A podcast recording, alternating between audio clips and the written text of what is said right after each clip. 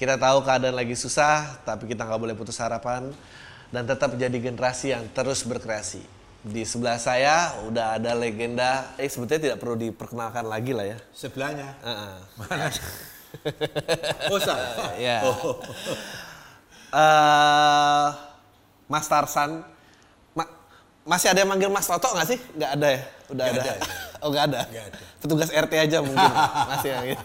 Enggak juga, semua udah taunya Tarsan. Tahu ya Tarsan ya. Iya. Bu, kita saya sebetulnya sebelum ngobrol saya pengen menyampaikan apa ya ini namanya. Saya, saya tuh lihat kemarin Sri Mulat Reoni manggung eh, saya tuh di belakang terus punya kesempatan ngobrol di backstage itu saya haru luar biasa karena Sri Mulat tuh salah satu tontonan bonding momen saya dan ayah saya. Eh, saya ada Pada lagi- zamannya ya? pada zamannya Eh, mungkin waktu itu eranya sudah di Indosiar ya tahun 90-an akhir Nah. mau ke 2000 Pertama TVRI 81. Betul, teman satu. Nah, itu masih ngeras Booming itu udah. booming tuh ya. Eh ya habis itu ya temen saya ada temen lagi SM, SMA ya saya kalau nggak keluar ya udah cuma berdua sama orang itu ya nontonin Sri Mulat aja jadi ketemu pada saat itu haru luar biasa dan nggak nyangka "Ih, gila hidup bisa ketemu aneh banget ya bisa ketemu ini tapi saya pengen mundur jauh ke belakang Mas Tarsan sendiri kan gabung 79 ya Enggak. apa Ah, 74 iya, di iya, lokal bulan karya Mei betul? 79 di Iya, Sri Pak. Mulat. Iya. Betul. Sebel- sebelumnya sibukannya apa? Eh, sebelumnya saya itu juga orang sandiwara, Oh, terutama oke. teater tradisional. Dari ikut Ludruk Brimob Batalion 412, Inmindam 8 Brawijaya. Sekarang Oh. dulu Kodam Brawijaya itu Kodam 8, sekarang Hmm. Kodam 5. Ya, dulu Inmindam 8. Bra- Itu ada Ludruk 1 2 Korem juga ada. Oh. Angkatan Darat milik Kodam. Itu saya digembleng di situ. Nah, yang paling penggelembengan pertama, pertama tuh waktu saya di Brimob. Hmm. Jadi Ludruk dimiliterisasi untuk penerangan. Penerangan di Blitar Selatan, Malang Selatan. Se- Seperti apa keadaannya untuk penerangan? Ah, begini, mungkin zaman belum lahir. Benar belum lahir. Saya 84 tapi udah dikit-dikit Iya, lah. Udah dalam perencanaan. Pergolakan Gestapo, PKI itu kan Hmm. mungkin Anda nggak tahu bisa tanya sama kakeknya ya. Hmm. Bahwa itu apa dicari, dimusnahkan istilahnya itu karena itu politiknya bertentangan katanya. Hmm. Lah sampai ada yang lari ke Blitar Selatan, Malang Selatan bikin rubah di bawah laut itu yang beli Blitar Selatan itu. Jadi- jadi- rubah itu rumah di bawah tanah. Jadi pelan terus di sana diadakan operasi Trisula. Nah, saya bagian daripada itu.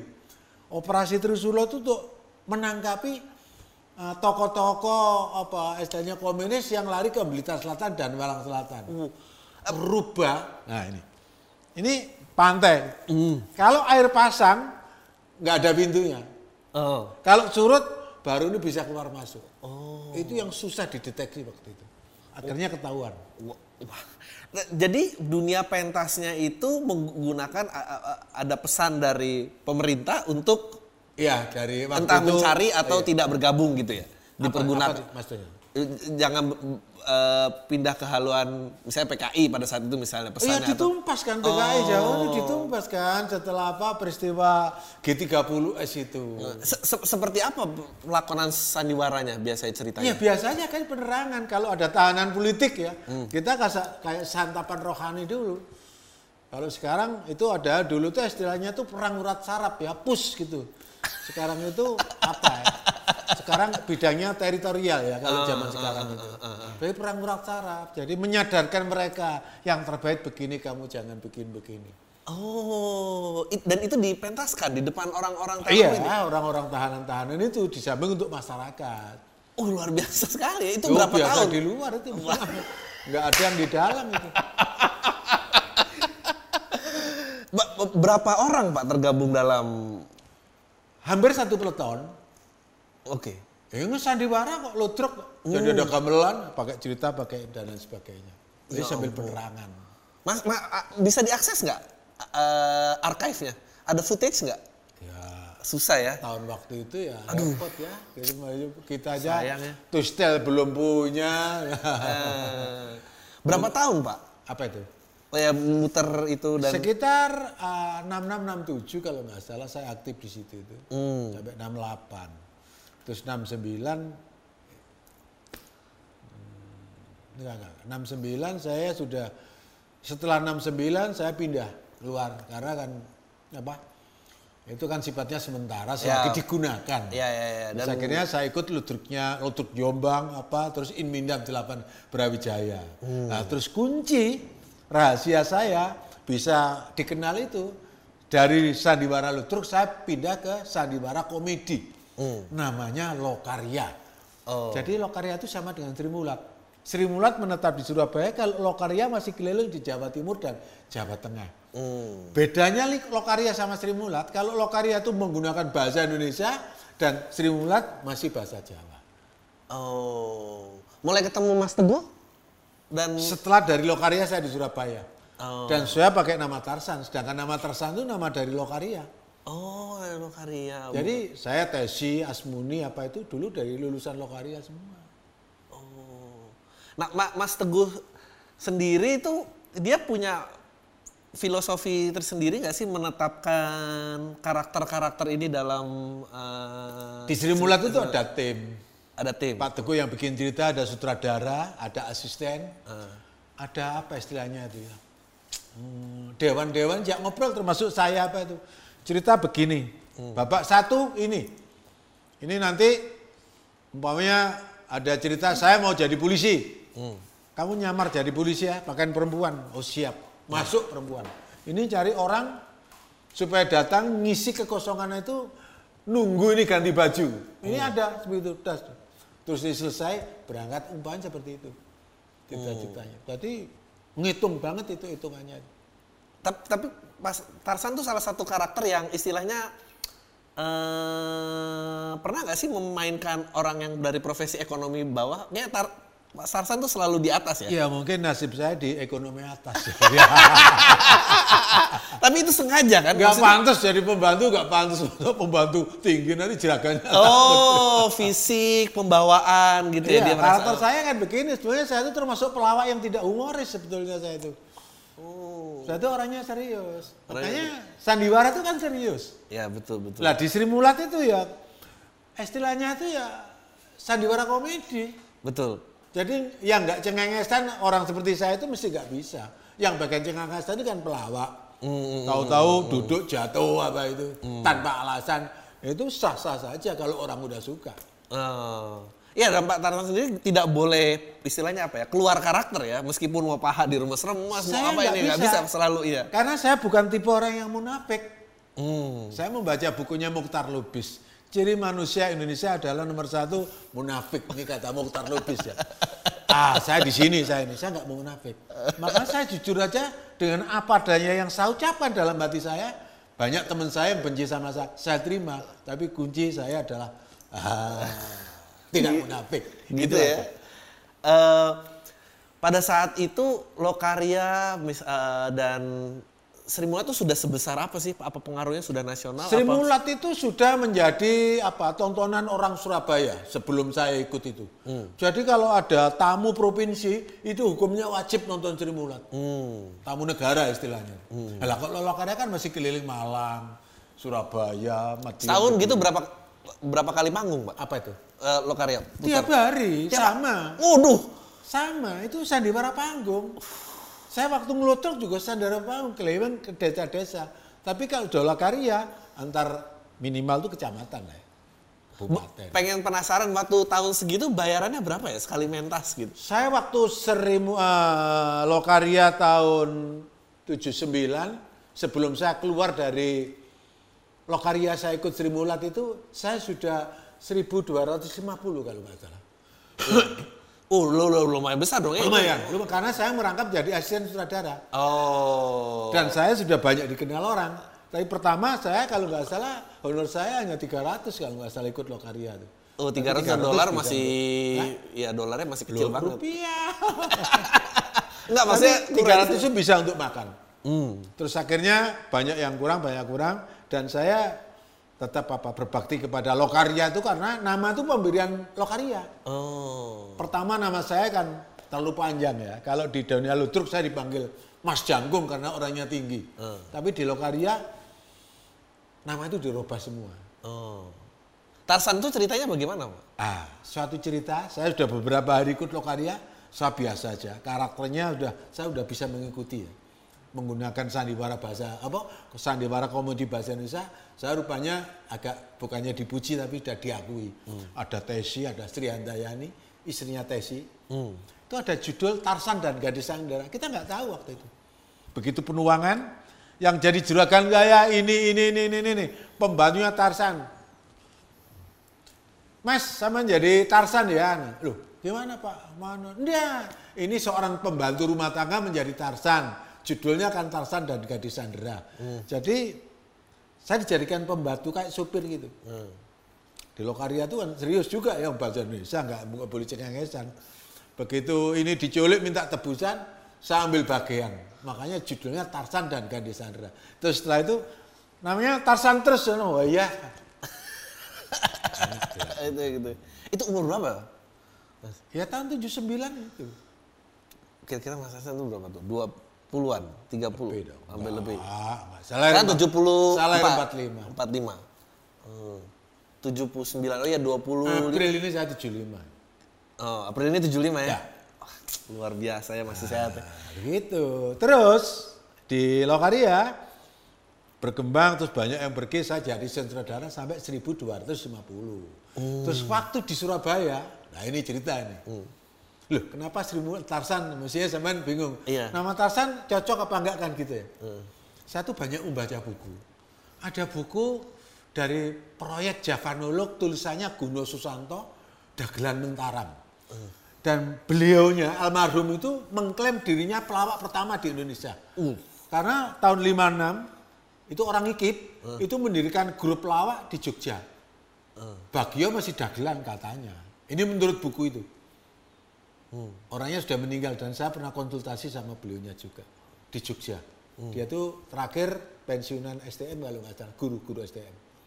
Nah itu dengan itu saya ini sampai saya tanya dalam buku itu ya kalau pelawak itu nama harus cepat diingat. Wah. Kayak judul lagu, lagu itu kalau cepat diingat anak kecil mesti ke top. Ya. Kalau nama cepat diingat harus singkat, kalau panjang harus ada kelebihan. Aneh. Ya. Contoh di sana itu ada Benny Bandempu, Joyo Gel, Didik Manggu Projo, nah itu. Tapi saya kan singkat. Mbaknya seperti itu. Oh, dipikirin ya dulu ya. Oh. Ini, ini. Begitu saya di Lokaria di Surabaya, terus saya sering-sering orang Trimulat datang ke Lokaria. Hmm. Nah, saya kalau anu itu kadang-kadang siang main-main ke sana, gimana sih? Nah, terus ditawarin, mau ikut? Wah mikir dulu pak saya nggak enak ini, Hmm. terus situasinya agak berubah akhirnya saya ke temannya Pak Teguh kapan kan pernah ditawari ya hmm. berapa minggu yang lalu Pak oke Pak saya siap siap ikut Sri Mulat tuh serius game kapan mulai masuk masuk ke Sri Mulat siap aja Pak kapan aja hmm. Karena Lokaria itu masih di Wonokromo, Pak Tarsan jangan masuk ke Sri Mulat. Hmm. Pulang dulu aja. Itu saya di Lokaria itu 5 Maret 78 sampai 4 Maret 79. Hmm. Itu ingat saya pas ulang tahun TBR di Surabaya kalau nggak salah. Oh. Jadi pas persis satu tahun. Nah saya kalau nganggur di rumah gimana? Sama sudah orang sini berarti sama punya hak terima honor. Oh. Jadi saya di rumah itu, nah itu akhirnya bulan Mei saya lupa tanggalnya, saya masuk Sri Mulat waktu awal sekali motivasinya dan jatuh cinta akhirnya dengan seni peran karena apa? Kenapa? Alasannya apa? Seni peran. Ah, seni karena saya itu anak kepala desa ya. Hmm. Dan di sana tuh dulu tuh ada ludruk. Wah saya tuh bangga dong. Tontonan daerah itu kalau ludruk tiap-tiap orang punya hajat mantu apa khitanan itu mesti nangkap ludruk. Wah kalau perang-perangan itu saya tuh seneng begitu. Wah umpamanya saya ini ya Akhirnya di kampung saya itu ada karena saya juga anak kepala desa. Akhirnya saya ya jadi sponsor nah, gitu lah, ya. mempelopori juga. Walaupun saya tidak punya kemampuan, tapi rupanya kata orang, wah kamu tuh berbakat kamu tuh ya. Terus berjalan sampai saya ikut ke keluar dari desa ke desa. Penyesuaian paling besar pada saat masuk ke Sri Mulat dan berkomedi itu apa, Mas? Saya nggak ada merasakan nggak ada perubahan. Oh, nggak ada perubahan. Karena saya di teater rakyat di Ludruk itu saya tuh biasanya ya tokoh yang saya jalan itu tokoh-tokoh antagonis. Hmm. Serius. Lah di Sri Mulat di Lokaria saya juga orang serius. Ya selalu. Iya. Kenapa orang tertawa? Itu bukan saya yang lucu, itu yang lucu itu ceritanya. Ah, Contoh Warkop Rebon, Ya. saya jadi Pak Dinya Dono itu. Ah. Saya merasa nggak lucu, tapi orang tertawa. Jadi itu ceritanya. Tapi kalau sudah ceritanya lucu, dibelok-belokkan, dilucu-lucukan, Iya. malah konyol. malah konyol. Nah, itu hukum panggung itu. Oh, hukum ya. Iya. Ha- harus punya derajat kepercayaan ya maksudnya sama ceritanya ya kalau udah lucu ya udah gitu. Ya serius saja, kita serius, kita serius.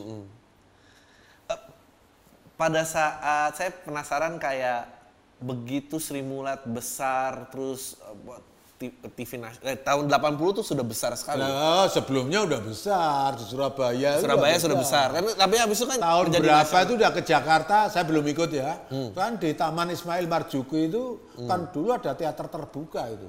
Hmm. Penontonnya itu kalau hujan ya hujanan, main Hmm. Sri Mulat main di situ itu. Itu ada wisma seninya, jadi ada di di situ. Wah, enak banget itu. Saya tahun begitu ikut Sri Mulat berapa bulan langsung ditugaskan ke situ. Kagum juga menjaga itu. juga. pernah kalau ketenaran sendiri pernah merubah dirinya Mas Tarsan apa biasa aja? Merubah apa tuh? Maksudnya saya, saya suka merhatiin karena saya backgroundnya seumur hidup saya bekerja kantoran. Betul. Saya tidak pernah mimpi lah istilahnya ke dunia hiburan gitu. Eh, beg- begitu ke dunia hiburan tuh uh, tekanannya, godaannya, eh, omongan orangnya tuh berbeda sekali gitu. Kalau dulu Sri Mulat ada akur ak- apa ribut-ributnya atau akur-akurnya biasanya apa sih? Rikur- ributnya ribut apa Mas? Ya nggak tahu. Pribadinya Saya apa pribadinya ada- yang nggak cocok, maksudnya. Oh, oh enggak. Bagaimana cara me- eh, saya penasaran Kuncinya tuh di Pak Teguh. Kuncinya Pak Teguh. Teguh itu yang punya. Jadi Sri Mulat itu bukan organisasi, itu milik bos. Jadi nggak ada ketuanya, nggak ada anggotanya, kita tuh pemain. Selagi saya bisa memenuhi syarat dan bisa menyenangkan penonton dan bosnya, tetap dipakai. Kalau enggak ya Tapi setelah Pak Teguh meninggal yang menyatukan dan ini? ya itulah Beda. menjadi keprihatinan saya. Oh. Itu yang menjadi keprihatinan saya karena yang megang itu nggak punya pengalaman panggung. Hmm. Tapi Pak Teguh nggak ada, ya tetap berjalan. Tetap berjalan. Karena ada reuni Sri Mulat itu ditangani Kadir, Hmm. saya izin dengan Pak Teguh juga, Pak Teguh masih ada. Waktu Indosiar sampai booming itu. Oh. Itu reuni Sri Mulat. Oh setelah berapa lama nggak ada? Sri Mulat reuni kalau nggak salah 95, 96 kali ya. Oh. Saya ingatnya begini, waktu itu Pak Agung masih Danjen Kopassus. Saya kenal baik sama beliaunya. Saya kadang-kadang sering datang mengeluh gini-gini dan banyak membantu Pak Agung itu ke perkembangan Sri Mulat. Hmm. Mau reuni aja ya, walaupun Kadir punya modal, tapi Pak Agung juga membantu. Tidak membantu uang juga termasuk pikiran juga. Caranya begini-begini. Ini riwayat reuni. Sampai akhirnya reuni sebelumnya tiga hari pertama itu. Lama kelamaan terus Iya. Indosiar mau, tapi harus penontonnya ada. Hmm. Lah caranya gimana? Ah, di sini apa mesti rame terus? Ya kita memanfaatkan Pak Agum lagi. Hmm. Pak, saya kok dapat teguran dari Indosiar mau diterusin Trimulat ini kan pembina. Tapi minta ada penonton. Hmm, manfaatkan 5 Oktober hari ABRI. Hari ABRI dulu bukan hari TNI. Jadi saya di, sama Kadir disuruh ke Kodam Diponegoro, Brawijaya, Siliwangi, dan Kodam Jaya. Jadi kerjasama untuk itu ngibur tentara juga. Hmm, kan panggungnya ada. Nah itu. Be- beda nggak me- menghibur tentara dengan masyarakat umum? Kita apa? Karena Sri Mulat adalah Sri Mulat. Tergantung ceritanya. Makanya kadang-kadang lihat kita ada cerita tentara ya tentaranya nggak boleh cengengesan dong kalau tentara. Oh. Lah itu mesti peranan saya karena saya orang bukan cengengesan dan saya nggak bisa cengengesan seperti teman-teman saya yang biasa jadi pembantu itu kan gitu. Oh, ya, ya, ya, itu bedanya ya. Ka- Oke, nah kalau Mas Tarsan sendiri ngikutin perkembangan komedi sampai hari ini nggak? Ya, Ikutin. Iya. Ya, gimana ngeliat pendapatnya, terutama misalnya dengan stand up yang besar mungkin 10 tahun terakhir ya, 2011 ya awal kalau stand up comedy itu juga termasuk ada karakter ya, nggak bisa diganti orang itu ya. Cuma Betul. ceritanya tuh mengalir dan tertata sekali. Kenapa tertata? Nah ini. Karena orang stand up comedy itu itu orang kampus. Lah kalau Trimulat kan orang kampung. Nah ini bedanya. Jadi tertata. kalau dulu seniman panggung harus berbakat. Betul. Tapi sekarang tidak berbakat asalkan cerdas jadi. Oh. Akhirnya bakat itu mengalir mengikuti kecerdasan itu. Oh, itu perbedaan yang paling jelas ya, Mas Iya dong, Oh. jelas. A- a- apa lagi yang bisa lihatnya?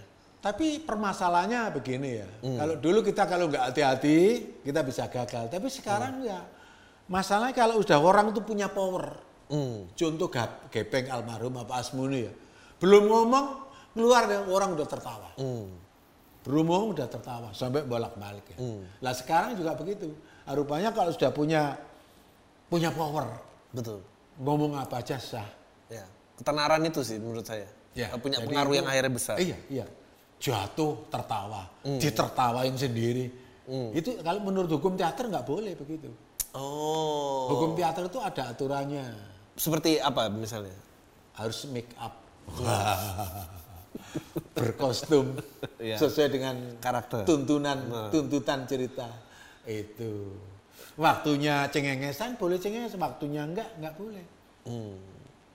Eh, ada resistensi nggak melihat bentuk eh, lawakan yang baru sekarang Hmm. jadi misalnya lebih populer dibanding yang lama? Yang populer itu memang orang hebat ya. Jadi bisa menyusun kata-kata yang tidak jauh dari dari topik itu. Umpamanya anak teknik ini saya pernah perhatikan contoh, contoh bicara main di kampus gitu. Jadi ya sekitar kampus yang dibicarain. Dan serius kan itu. Nah itu yang saya gini. Tapi kalau udah bentuk-bentuk panggung kadang-kadang ya tetap lucu. Kursi ditendang ini ini ini ini, ini. Diter, orang tertawa ikut tertawa. Kalau hukum teater nggak boleh. Tapi sah karena apa? Sekarang itu industri. Jadi apa pun yang digemari orang, ya, Hiburan. itulah nasibnya yang baik. Tadi kita sempat ngobrol sebelum rolling. Mas Tarsan bilang bercanda dengan berkomedi itu berbeda loh. oh iya. I- i- itu bagaimana berbedanya? Berkomedi itu kan serius. Hmm. Ada film yang komedi kan serius. Iya. Ada lucu-lucunya kan. Tapi orang tertawa. Hmm. Itu berkomedi ya? Berkomedi. Jadi serius. Jadi yang cerita itu, yang lucu itu ceritanya. Hmm. Contoh, kalau orang komedi panggung, nggak ada apa-apa, jatuh orang tertawa. Ah, Oke. Tapi kalau sudah yang perlu realis, Hmm. kulit pisang di cover dutek. Oh ini jembatannya untuk kepleset. Itu aja. Jadi harus punya alasan kalau yang sekarang itu. Itu mat- barusan mata sutradara itu Termasuk, ya? oh, nah, termasuk zaman dulu tuh seperti itu, sekarang tidak seperti itu. Tapi sekarang itu memang ya hebat-hebat, ceplas-ceplosnya tuh hebat. Kalau soal lucu sendiri, ditertapi sendiri, itu sah saja. Yang penting penontonnya Hmm, senang. Memang pertama penonton harus diajari juga. Hmm, betul. Kalau dulu orang nonton mulat itu membayar, tapi sekarang kan dibayar penontonnya. Ini bedanya. Jadi bisa diatur dan itu bisa membawa nama juga. Nggak salah itu Hmm. Nggak sah. salah, betul, betul. Karena bisnis itu seperti itu. Ah. Orang bisa orang jelek bisa cantik, bisa punya daya pesona. Dijadikanlah casting rebutan. Jadi perbuatan. Orang jelek jadi cantik. Penonton ikut kepingin merebut juga seperti itu. Kalau se- generasi sehabis Sri Mulat yang banyak berguru dengan Sri Mulat, yang akhirnya grupnya besar itu, Ya nggak ada. Nggak ada ya? mulat itu wong pelawak desa kok digurui bagaimana? ah masa sih? Malah Bukannya banyak- malah menjadi inspirasi banyak ini. Malah banyak yang sinis saya melihat itu. Oh gitu. Ba- Bagaimana dulu ceritanya? Saya penasaran. Gak Ya, bisa ini ya. nggak usah sebut namanya. Ah. Dulu banyak yang mengagumi, tapi lama kelamaan kadang-kadang hanya ada pelecehan aja yang dia. Oh. Kalau ada, ah sering, umpamanya ada jatuh, apa itu sering mulatan itu. Oh, itu bentuk-bentuk Bagi kesirikan. saya sebenarnya menyakitkan tapi nggak berani ngomong. Oh, benar benar benar benar benar benar benar. ya, saya, saya juga waktu itu merasa eh kayak istilahnya ah kalau Sri Mulat kan slapstick saja gitu. Eh, buat saya itu nggak bisa bilang saja loh, itu butuh pengetahuan timing yang tepat. Jadi kuncinya yang itu tepat. menggunakan perasaan. Hmm. Dulu pernah waktu di Surabaya, saya sudah agak dikenal. Surabaya. Saya waktu dulu terus saya terkenal di Malang aja, Surabaya nggak ada orang tahu. Saya terkenal di Surabaya, Jawa Timur udah tahu saya. Saya kan main TV di Surabaya. Ini contoh. Jakarta sudah seluruh Indonesia sampai dunia itu saya hampir keliling. Kan gitu kan. Itu seperti itu. Terus apa ya? Hmm, tadi apa pertanyaan tadi?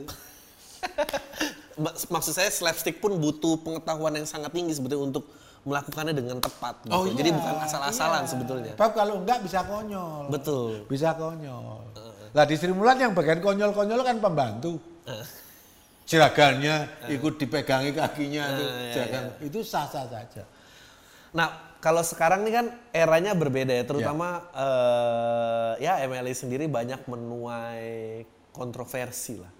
Eh, terutama desakan da- da- dari masyarakat yang luas lah. Kebetulan pelakunya bukan saya. Tapi kalau dulu di era Sri Mulat pernah nggak mengalami hal-hal seperti itu yang dianggap entah melecehkan atau ada sebuah kasus atau ditolak manggung. juga, pernah juga. Pernah seperti juga. apa?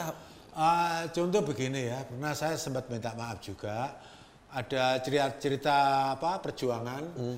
gara-gara benderanya merah putih itu terlalu bawah itu, wah Hmm. pernah diprotes itu.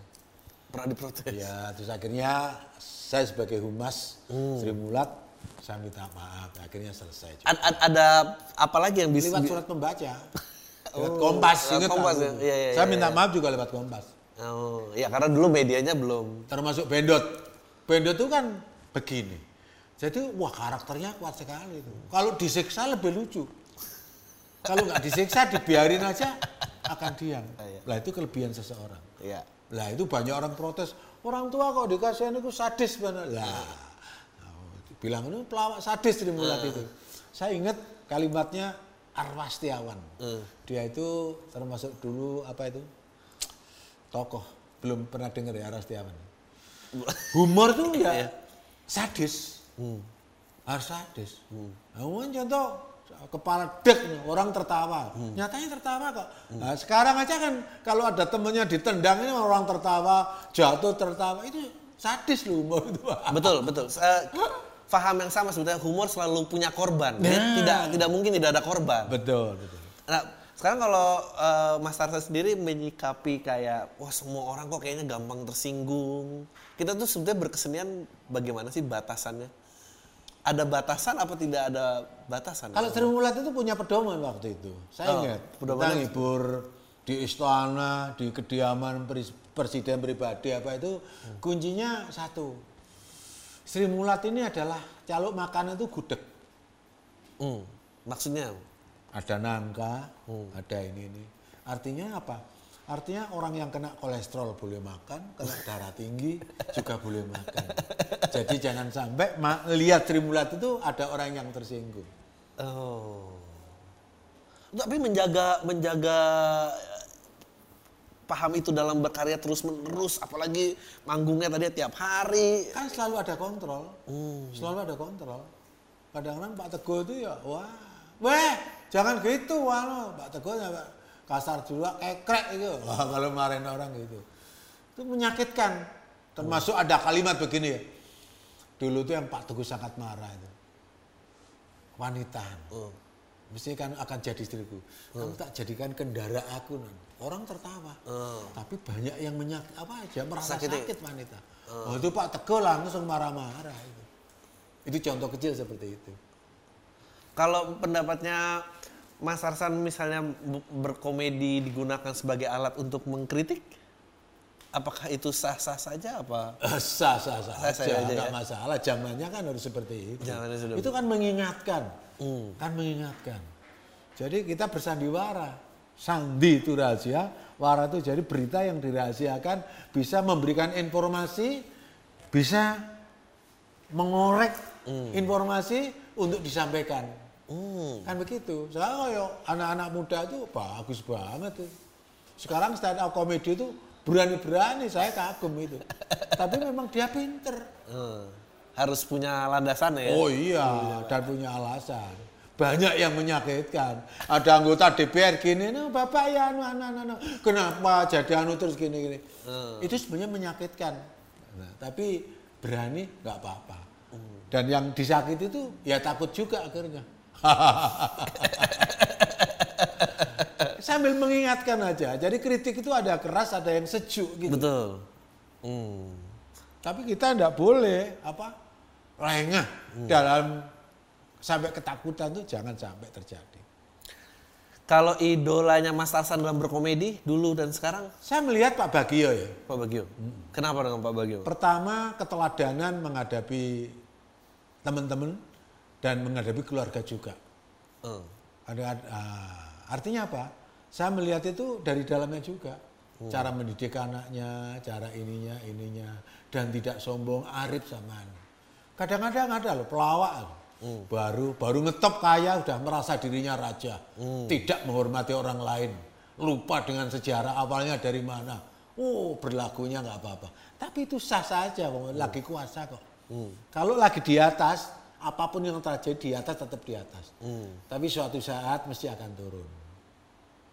Dulu dulu kalau Mas Tarsan sendiri merasa sering mulat paling di atas tuh eranya kayak apa dan gimana situasinya? Saya enggak kalau saya, karena saya tidak merasa di atas saya waktu itu. Saya kan pengumpan.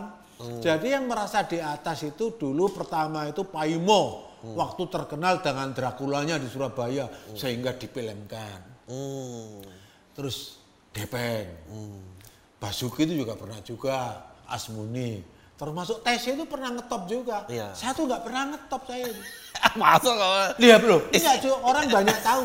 Tapi ya begini-begini aja. Karena Oh. apa? Saya merasa saya tidak lucu. Tahu pelawak kok serius anu kayaknya. Ya begitu lah saya. It- it- it- itu istilah ini ya. Jadi kalau apa tuh kalau dulu di Warkop ada yang ngelop, ada yang smash. Jadi Pak Tarsan tuh lebih banyak yang ngelop ya. Yang nge-smash bukan Tarsan. Jadi, dan itu mempengaruhi kebintangan seseorang ternyata ya. Ya, mungkin saya merasakan seperti itu ya. Tapi yang terang saya sebagai pengumpan aja. Eh, jadi pada saat naik dan turun ya Mas Tarsan Saya nggak merasakan naik turun. Saya perasaan saya begini-begini aja. aja. luar biasa. luar biasa. Saya harus banyak belajar berarti. ya gitu. Karena saya dulu waktu awal mulai gitu kecil, wah enak banget intim ngomong senananya begitu udah lumayan tambah lebar, wah mulai ada yang minta ini, minta itu, pusing ini semua orang Ya, siapa harus ditorot. Apalagi kadang-kadang sekarang anak muda tuh kalau melihat uang itu lupa. Oh, Jadi ngejar uang itu lupa kesehatan. Tapi dia lupa kalau udah ngejar kesehatan itu semuanya habis. Ini ini pesan saya kepada adik-adik kita. Paham ya yang saya maksud ya? ka- kalau sekarang aku- Job ke mana-mana malam, wah capek, ayo gini-gini.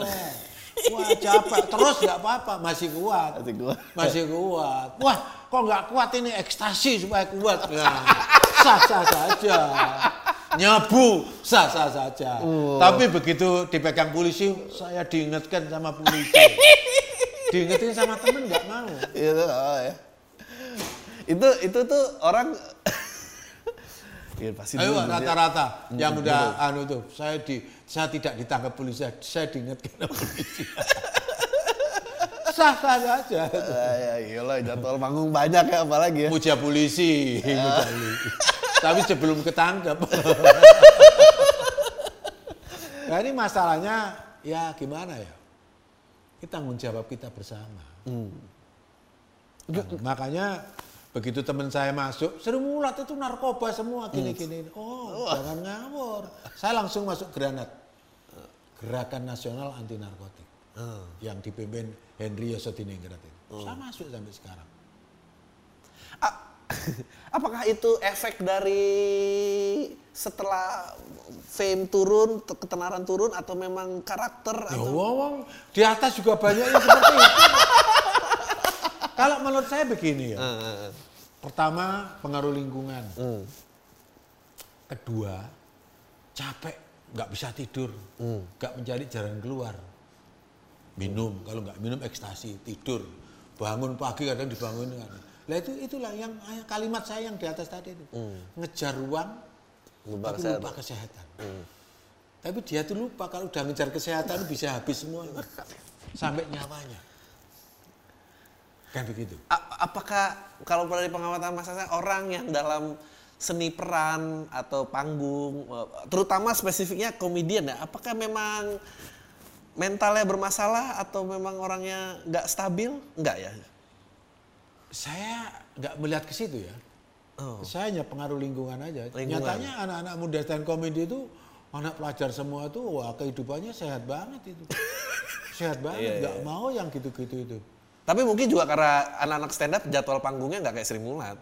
Oh enggak, sekarang pada. Trimulat kan dulu, pada zamannya. Ya, pada. Waktu itu memang belum ada ekstasi ya. belum ada ekstasi. Dan begini, Sri Mulat itu pertunjukan yang sehat. Main jam 7, jam 10 selesai. Tidur bebas. Ada show kadang-kadang siang, kadang-kadang itu masih diatur. Tapi sekarang tuh kadang-kadang kan non-stop. Pindah sini, pindah sana. Shooting pagi sampai malam pakai Umpamanya seperti itu. Lah mengontrol diri itu sebenarnya nggak seperti itu. Saya aja ya mungkin sudah nggak laku ya, mungkin ya. Tapi saya tetap dari dulu tuh kalau saya kontrak tuh jam 10 malam saya minta udah selesai. Saya, iya. Ini setelah usia seperti ini. Kontrak begitu saya. Kalau kesibukannya Sri Mulat sekarang off airnya seperti apa masih jalan nggak sih pak? Pertanyaan ini saya gak berani jawab. Oh, Karena Sri. Mulat itu bukan Tarsan. Tapi Tarsan pernah main di Sri Mulat, pernah menjadi pemainnya. Oh. Tapi katanya sekarang itu yang punya wewenang itu Koko anaknya cucu itu. Hmm. Katanya mau dipelemkan oleh PH, tapi sampai sekarang mah enggak enggak aja. Oh, oke. Dulu waktu Sri Mulat, pending Sri Mulat, saya nggak ikut main. Hmm. Tapi kemarin Karena nggak cocok harganya aja. Mas Hasan ini sangat ini ya straightforward ya, sangat nggak basa-basi, sangat ini tembak gitu ya. Makanya apa adanya, saya kan bukan orang munafik. Oh, iya, Mungkin menyakitkan bagi kali kalimat ini menyakitkan bagi orang yang Ah. tapi bagi saya itu adalah kebiasaan dan saya siap untuk itu. kemarin eh, perasaannya pada saat reuni lagi di Idea Fest Reuni apa itu? atau Idea Fest kita pernah kali ketemu di JCC, terus Sri Mulat main ada Ya. Idea Fest Comedy Itu Fest. begitu saya dihubungi, saya pamit siapa yang namanya Eko. Kok aku maaf harus pakai nama Sri Mulat ini. Ya walaupun sedikit kan. Gede. Jin. Biasa aja kita tanpa nama Sri Mulat tetap main kok kita itu. Masih tetap off air itu masih ada. Saya saya tuh ya pengen punya cita-cita sih maksudnya eh, bagaimana semua generasi komedian yang terpisah-pisah ini tuh kenal sejarahnya gitu. Biar Sri Mulat oh nggak bisa ya. Jadi kalau saya mau bilang Sri Mulat dibikinin reuni tour lagi sama Bisa saja, bisa saja. mau tertarik Oh, ya? bisa, harus seizin dengan Eko itu. Ya ntar coba dicari Jadi kadang-kadang begini, saya dulu kan apa? Kalau di Jakarta tuh orang tahunya saya itu saya bukan bukan anggota, tapi saya melapor. Melapor. Contoh waktu ke Eropa dulu, saya kan nggak berani pakai nama Sri Mulat, Tarzan CS saja. Di Eropa dulu tuh Belanda, Jerman, Paris mana tuh Belgia, ah, itu empat negara ya. Oh harus pakai nama Sri Mulat, terus saya izin waktu itu Bu Cucu. Wes aku tak melu wae, jadi Bu Cucu ikut main ke sana. Saya ke Australia, White, Libanon. Saya ke mana aja, ke mana ya, Korea lo, Singapura, Malaysia itu udah sering nggak pakai nama Sri Mulat, Tarsan dan kawan-kawan. Dan setelah saya sering isi kamera Ria itu, banyak job minta no, grupnya kopral. Nah, Kan saya pangkat saya selalu kopral kan itu. Itu menjadi anu juga ya. Kayaknya dulu tuh untuk menjaga kekompakan, eh, hormat dan ya respect lah ya itu sangat penting ya. Maksudnya itu ada yang menanamkan apa memang tiba-tiba? Ya tata kerama itu kan orang Jawa itu kan kita tuh orang desa mas aturannya kan mesti dipegang mas. Jadi kalau lewat depan rumah depan orang itu harus kolon nuwun kayak dulu tuh contoh aja kaplok kalpon kepala itu kan jadi lucu. Sama Pak Teguh nggak boleh, Hmm. nggak mendidik itu katanya. Hmm. Ya, ya, ya, ya. Dan itu benar-benar sampai sekarang ya tidak pernah ada yang berani menyalahgunakan atau Ya mencoreng kadang-kadang nama. yang lupa itu ya ada juga ya ada. Mau- Termasuk saya juga sering lupa kadang-kadang. Setelah ingetnya kalau sudah aduh iya ya baru sadar. Kan manusia banyak lupanya. Eh, kalau tadi kita sempat bahas gitu kalau dari Mas Tarsan sendiri me, bukan menanggulangi ya, maksudnya ya menanggulangi sih orang-orang yang akhirnya ya terutama orang-orang yang tampil komedian yang akhirnya eh, terjerat narkoba itu keluarnya gimana coba? ya itu mungkin karena lingkungannya. Kalau tadi Tapi dibilang- kalau orang deket saya seperti saya tuh yang sering ke mana-mana sama Kadir. Hmm. Kadir. Aman kan? Aman. Orang dekat saya. Tapi teman-teman saya yang itu lingkungannya lingkungan lain. Hmm. Sudah nggak usah disebut lah. Iya, Pokoknya jarang bergaul. Sekarang aja ada arisan. Sekarang enggak sekarang. Jadi mantan-mantan Sri Mulat itu sekarang itu sebulan sekali itu ada arisan. Oh lucu banget. Ya termasuk Tesi, Eh. semuanya. Termasuk Nunung apa itu arisan. Eh. Ikut arisan. Eh. Walaupun sekarang ada masalah, tapi kita tetap saudara. Oh. Dan saya datang juga kok. Saya besukkan. Tetap saudara. Saya teman itu jangan lihat dari kesalahannya. Dari persahabatannya. Kan ada nilai sejarah yang nggak bisa dilupakan. Umpamanya seperti itu. Oh, ya bagus. Itu bikin konten aja nggak mau, Pak? Nggak, dibikin konten mau nggak, Mas? Terus. Saya mau nontonnya. Kalau eh, Tarsan, karakter dengan Mas Toto itu berbeda jauh nggak sih pribadinya? Nama lu sama. Eh, sama? Sama. Oh, orangnya nggak ini ya? Betul, betul, sama. Ya itulah saya. Lucu juga ya. Makanya kalau saya dinas di apa di Puspen TNI mana-mana pakaian militer. Hmm. Militer kan nggak boleh cengas-cengas. Tapi nyatanya banyak orang tertawa dengan ucapan saya. Yang penting komunikatif. Dulu kalau misalnya ada ya selek gitu antar personel gitu baikannya gimana? Maksudnya terus suruh manggung. Maksudnya ada berantem atau apa gitu di luar panggung terus biar nggak kebawa di atas panggung gitu. Oh, kita kalau sudah di sana itu kan umpamanya saya jadi lurah. Saya itu lurah bukan Tarsan. Oh, Dan teman-teman nggak ada kok yang berantem sampai serius itu nggak ada. nggak ada ya. Tapi kalau ada pun ya pernah juga ada gitu tuh. Tapi di panggung, oh Pak Teguh bisa dipecat kalau sampai membawa-bawa sesuatu dari luar ke dalam. Oh. Pokoknya saya berantem tapi belum pernah. Terus saya nggak mau deket-deket ya. Kamu pergi. Kalau Pak Teguh dulu memilih membernya gitu, dia melihatnya apa, Pak? Tidak memilih. Pak Teguh itu pe- pemain itu datang sendiri pertahanan Yostrak ini. Kan asal usulnya ya namanya pelawak ya. Jadi saya juga datang sendiri kan. Semuanya juga datang sendiri. Minta supaya bisa main di situ. Cocok terus, enggak out. Out. Nah, gitu. Yang menguntungkan ya Kalau dari sekarang stand up sendiri yang eh, Mas Tarsan perhatiin ada nama-nama yang keluar nggak di kepala? di hati saya Iya. banyak. Boleh Pan- diceritain? Panji, Dodit, seperti ada yang siapa tuh yang pernah syuting sama saya. Aduh, Ditya Ditya siapa itu? Raditya Dika. Ah itu penyutradara saya kan pernah main sama dia. Andrew Jagger itu banyak banyak banyak. Boris Doridman apa tuh? Yang pernah satu frame dengan saya banyak. Pak, ini menarik nih kesebut eh, Dodit dan Panji gimana? Kalau Dodit apa menurut Mas Tarsan? Kalau Panji bagaimana? Dia ya apa adanya, memang Dodit itu seperti itu. Sehari-hari ya main biola dia. Dia anu dia begitu kan kelemak-kelemak gitu. Karakternya seperti itu. Iya. Pas. Boris juga seperti itu. Saya nggak tahu bergaul banyak, tapi kayaknya di luar waktu syuting bareng sama saya itu antara di luar dan dalam ya, ya itulah Boris itu. Hmm. Tidak ada, eh, ya dia nggak terlalu berbeda jauh ya. Apa adanya kayaknya, sesuai dengan karakternya.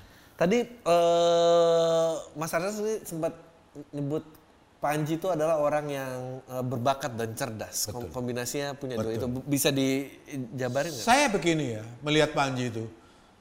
Contoh menirukan Aiman.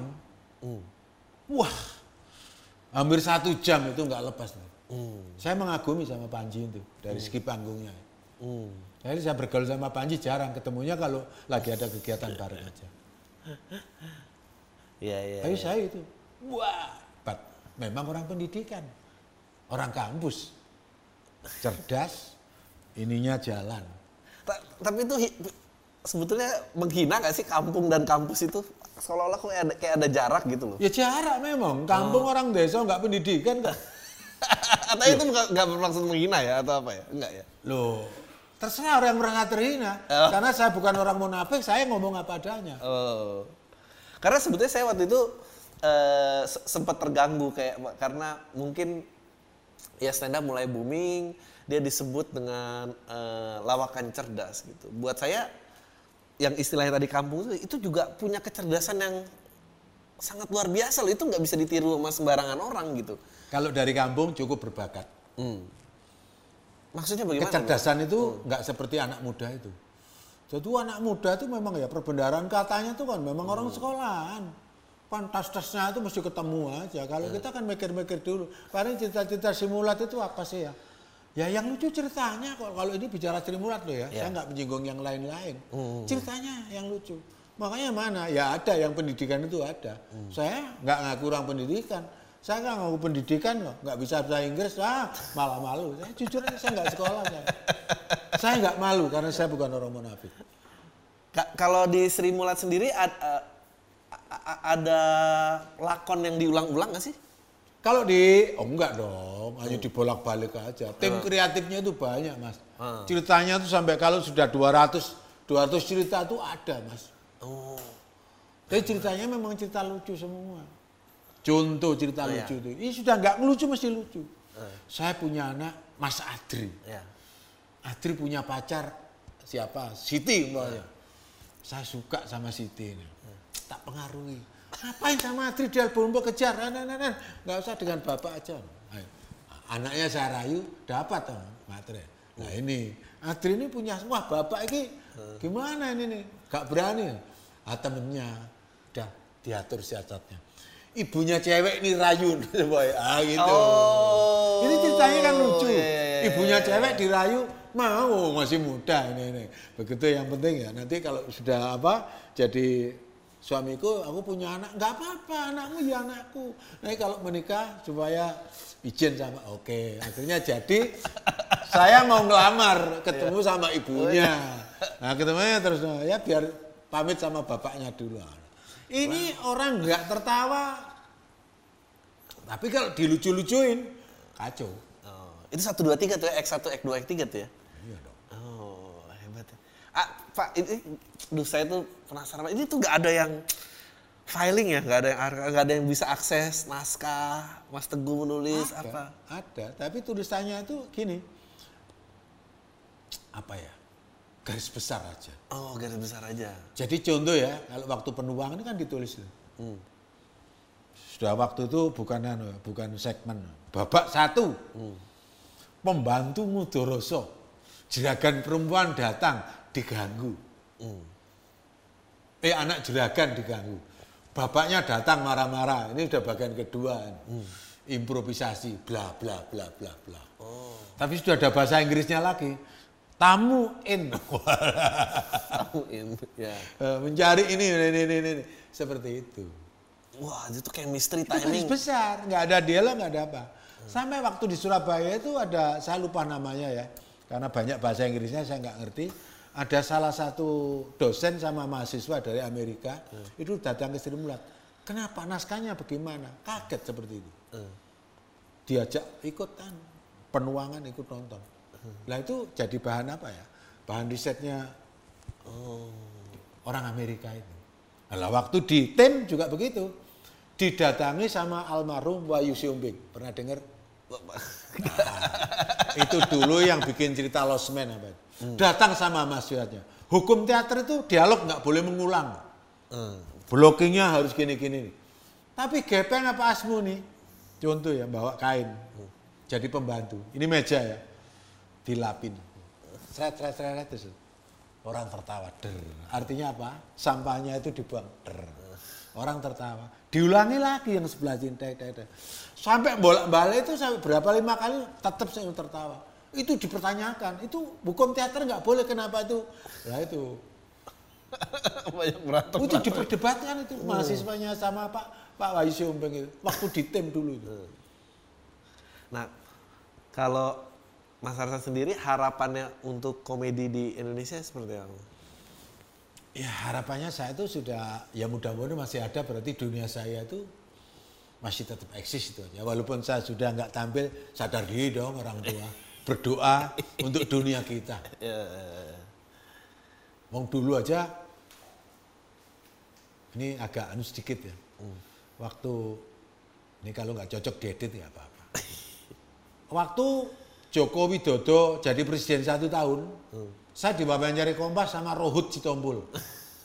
Bagaimana satu tahun Joko Widodo ini? Rohut, wah bagus gini gini gini nih. Berdoa Ini betul di Kompas. Terus saya itu baru Rohut terus saya. Menurut Pak Tasan, Pak Joko Widodo presiden saya bagaimana? menyenangkan mengecewakan. Saya kecewa. Tes. Oh itu. Terus setelah itu, setelah pesan-pesan berikut ini, waduh, namanya SMS ini. Wah, Tarsan kok berani gitu, gitu. Terus setelah itu segmen dia ditanya, kenapa kecewa sama Jokowi? Karena presiden sekarang nggak pernah ngundang pelawak di istana. Mulai cair. Lah dulu siapa orang aja? Semuanya sudah. Pak Harto tuh beberapa kali. Makanya Pak Harto sering ngundang pelawak, jadi ya beberapa kali episode. Jadi perbedaan era presiden Iya itu kan, ya. nah, terus akhirnya ya nggak tahu ya. Terus berapa bulan kemudian pelawak-pelawak dikumpulkan sama Pak Jokowi itu. Termasuk budayawan apa itu. Tapi mungkin bukan karena itu, mungkin masalah lain. Ini kebetulan saja. Iya, iya, kebetulan. Tapi yang terang saya juga bangga saya diundang ke istana. Saya juga nggak berharap orang seperti Tarzan ini main di istana. Saya udah nggak mampu kok main sekarang di istana. Tapi setidak-tidaknya kalau ada anak muda, pelawak muda main di istana, itu dunia saya. Saya ikut bangga. Oh, luar biasa. Oh ternyata pelawak itu masih dianggap oleh Republik Indonesia ini. Toh. Jadi mainnya nggak hanya di nightclub, di kampung-kampung, umpamanya seperti itu. Iya, iya, iya, iya. Itu penting ya. Penting bagi saya. Jadi dunia itu masih ada dunia pelawak. Apa relevansinya eh, ko- komedi dengan kenegaraan? Kok Mas menghibur kok. Menghibur ya. Istana tuh kan tempatnya orang serius tuh. Lah zaman Pak Harto dulu tuh hampir tiap tahun. Sampai ngibur ke rumahnya. Oh nyari hiburan apa nggak boleh? Dia biar nggak serius istana itu harus sekali-sekali ada. saya setuju. Tapi nyatanya sekarang Se- se- alhamdulillah sudah anak-anak muda sering masuk istana. Ya, ya, ya. Tapi Itu ngeri itu loh. Saya kebanggaan juga, saya bangga. Banyak Walaupun saya nggak ikut, wah temen saya di istana. Masih diakui oleh presiden. kan gitu. D- dulu waktu Orde Baru tampil tuh lebih berbahaya nggak sih dibanding sekarang kalau menurut Mas Narsan gimana? Orde, oh enggak, saya kira nggak ada masalah. Kita Tergantung kontennya ya? Iya, eh, enggak. kita menghibur, nggak menyakitkan. Iya, iya, iya, Jadi seperti apa ya, kalau kelompok-kelompok Sri Mulat itu mantan-mantannya itu. Apa? Jadi ya kayak tadi yang saya bilang, makanan seperti gudeg. Yang darah tinggi ya boleh makan, kolesterol tinggi boleh, asam urat juga boleh. Eh dari Mas Tarzan sendiri masih ada yang belum tercapai nggak? Misalnya pribadi dan mungkin Sri Mulat gitu harapannya mau ngapain? Saya nggak berani komentar sama Sri Mulat. Oke, ya udah kalau gitu Mas Kalau Tarzan Sri aja. Mulat itu ya kepinginnya mudah-mudahan tetap eksis. Hmm, tetap eksis. Syukur saya diajak, nggak diajak nggak apa-apa. Karena walaupun bagaimana bagi saya itu adalah sejarah, sejarah yang bisa mengangkat saya. Jadi sejarah itu begini bagi saya itu. Lokaria yang membuat nama Sri Mulat sehingga saya terkenal di Jawa Timur gara-gara ikut Lokaria. Terus Sri Mulat, Pak Teguh membawa saya ke Jakarta sehingga saya kenal di Indonesia sampai dunia. Kan begitu. kan. Makanya sebagai orang yang punya apa ya? Wong Jowo ya. Rasa terima kasih saya apa? Kepada Pak Aman Gunawan, kepada Ibu Sri Mulat almarhum, Pak Teguh almarhum, tiga tahun almarhum, Aman Gunawan yang memberi nama, Sri Mulat yang bisa membawa saya, termasuk Pak Teguh yang memberi kesempatan saya, saya sebagai manajernya Sri Mulat waktu itu, saya bisanya sekarang apa? Ya kalian Fatihah kalau habis sholat. Hmm. Insya Allah. Itu sebagai tanda terima kasih saya, hati saya. Wah, luar biasa. Kan supaya tahu aja. Nah, banyak orang yang nggak tahu terima kasih, lupa dengan Benar, benar, sejarah, benar, benar. Benar, pernah benar, ditolong nggak mau nolong. Benar, benar, benar, benar. yang Gak begitu. boleh lupa sama sejarah memang. Nah, itu. Ya wes, makasih banyak ya Mas Tarzan obrol-obrolannya. Saya Ya, pengen banget Mudah-mudahan anak-anak muda tergugah ya, apa ya supaya ya selamat lahir batin. Amin. Supaya apa ya, ya bebas dari corona juga. Amin. Oke. Ya, saya, saya diem aja kan ya. Iya. Dia aja. Eh, Saya nggak enak, Mas. Iya Mas, diem Gak aja. apa-apa, gak apa-apa. Iya. Nggak penutup kan ini. Ya, terima kasih buat semua yang udah nonton. Tadi eh, berikut ya chat gua dengan legenda ini, Mas Tarsan. Semoga pandemik ini cepat berlalu. Thank you semuanya. Makasih Mas obrolannya. Makasih banyak.